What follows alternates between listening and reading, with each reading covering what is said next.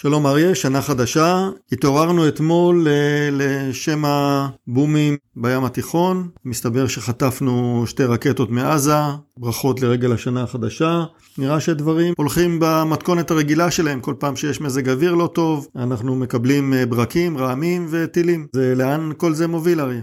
כל זה מוביל אותנו למצב אה, לא טוב. אנחנו כל פעם מקבלים על עצמנו סבב במרכאות נוסף.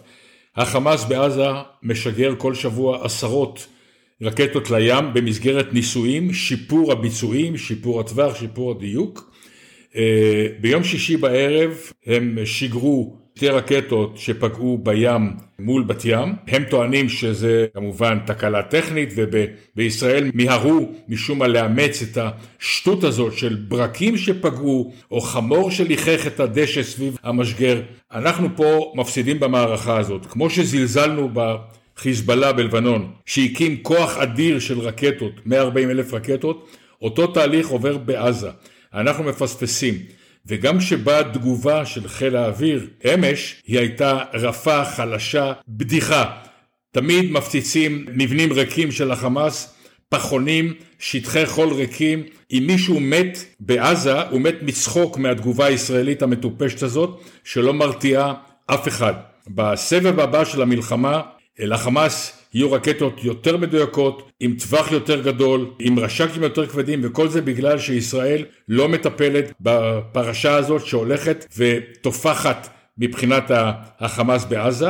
אנחנו כל פעם מגיבים בצורה מעוררת גיחוך ממש, והנימוקים שאנחנו נותנים לטעויות או לארגון סורר ששיגר לכאורה את הרקטות, זה מדיניות מטופשת שאין לה שום מקום בסביבה כמו שלנו. אה, מסכים לחלוטין. נושא של אה, התקלות המוזרות של החמאס אה, חוזר ונשנה בכל חורף. גם תירוצים שהרקטות האלה נורו בטעות הם שטות מוחלטת הרי. אין שום סיבה שמדינה כלשהי, ובוודאי שלא ישראל, תהיה נתונה לירי רקטות בטעות שמגיע וברוב המקרים אמנם נופל בשטחים פתוחים או בים, אבל לפעמים גם פוגע, ואנחנו זוכרים את הירי לבית במושב משמרת, ב- בלב השרון, אנחנו זוכרים ירי דומה לבאר שבע. לא ייתכן שכל פעם שיש קצת גשם או שמתחשק לחמאס להסלים, אז הם יוזמים איזושהי תקלה או טעות. עכשיו, דבר נוסף צריך לקחת בחשבון שהירי הזה פגע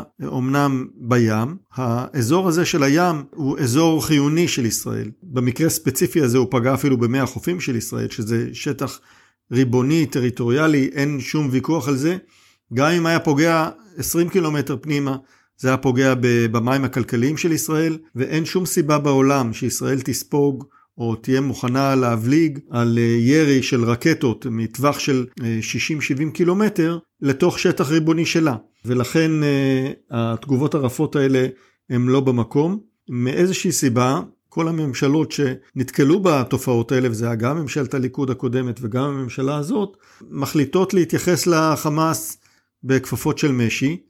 הסיבה לזה, לי כאזרח, לא מובנת לחלוטין. אני חושב שהיה צריך לייצר הרתעה הרבה יותר גדולה מול הפרובוקציות האלה של החמאס, ואנחנו רואים שאותה ממשלה אה, יודעת לטפל יפה מאוד בפעילויות שקורות בלבנון. כל תזוזה שם של מכולה או של אה, משאית זוכה לתקיפה מאוד מאוד מדויקת ומאוד מאוד נחושה. ההתנהגות מול חיזבאללה צריכה להיות בדיוק אותה התנהגות כמו מול חמאס. אה, ואם זה ארגון סורר, טפלו בארגון הסורר. אנחנו כאזרחים לא אמורים לחטוף אה, רקטות בימי גשם. נכון, ואתה הזכרת את המים הכלכליים. למי שלא שם לב, במים הכלכליים האלה יש את אסדות השאיבה של הגז הטבעי מקרקעית הים.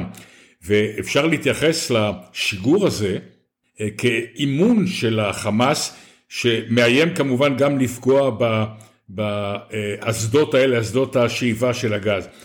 לסיום הנושא הזה, לסיכום הנושא הזה, ההתייחסות מול החמאס היא התייחסות מטופשת, אה, אה, לא, לא הגיונית, שרק מאפשרת לו לחזק את כוחות הרקטות שלו, את הטפחים שלהם, את הרש"קים שלהם, ואם ישראל לא אה, תשנס מותניים ותפגע במפעלים שמייצרים, במשגרים, במפקדי הכוחות המשגרים, אנחנו נפסיד את המערכה הזאת, כמו שהפסדנו את המערכה מול חיזבאללה, שלארגון הזה יש היום 140 אלף רקטות אה, מחופרות היטב ליד בתים, ליד בתי ספר, בכל מיני מסתורים תת-קרקעיים.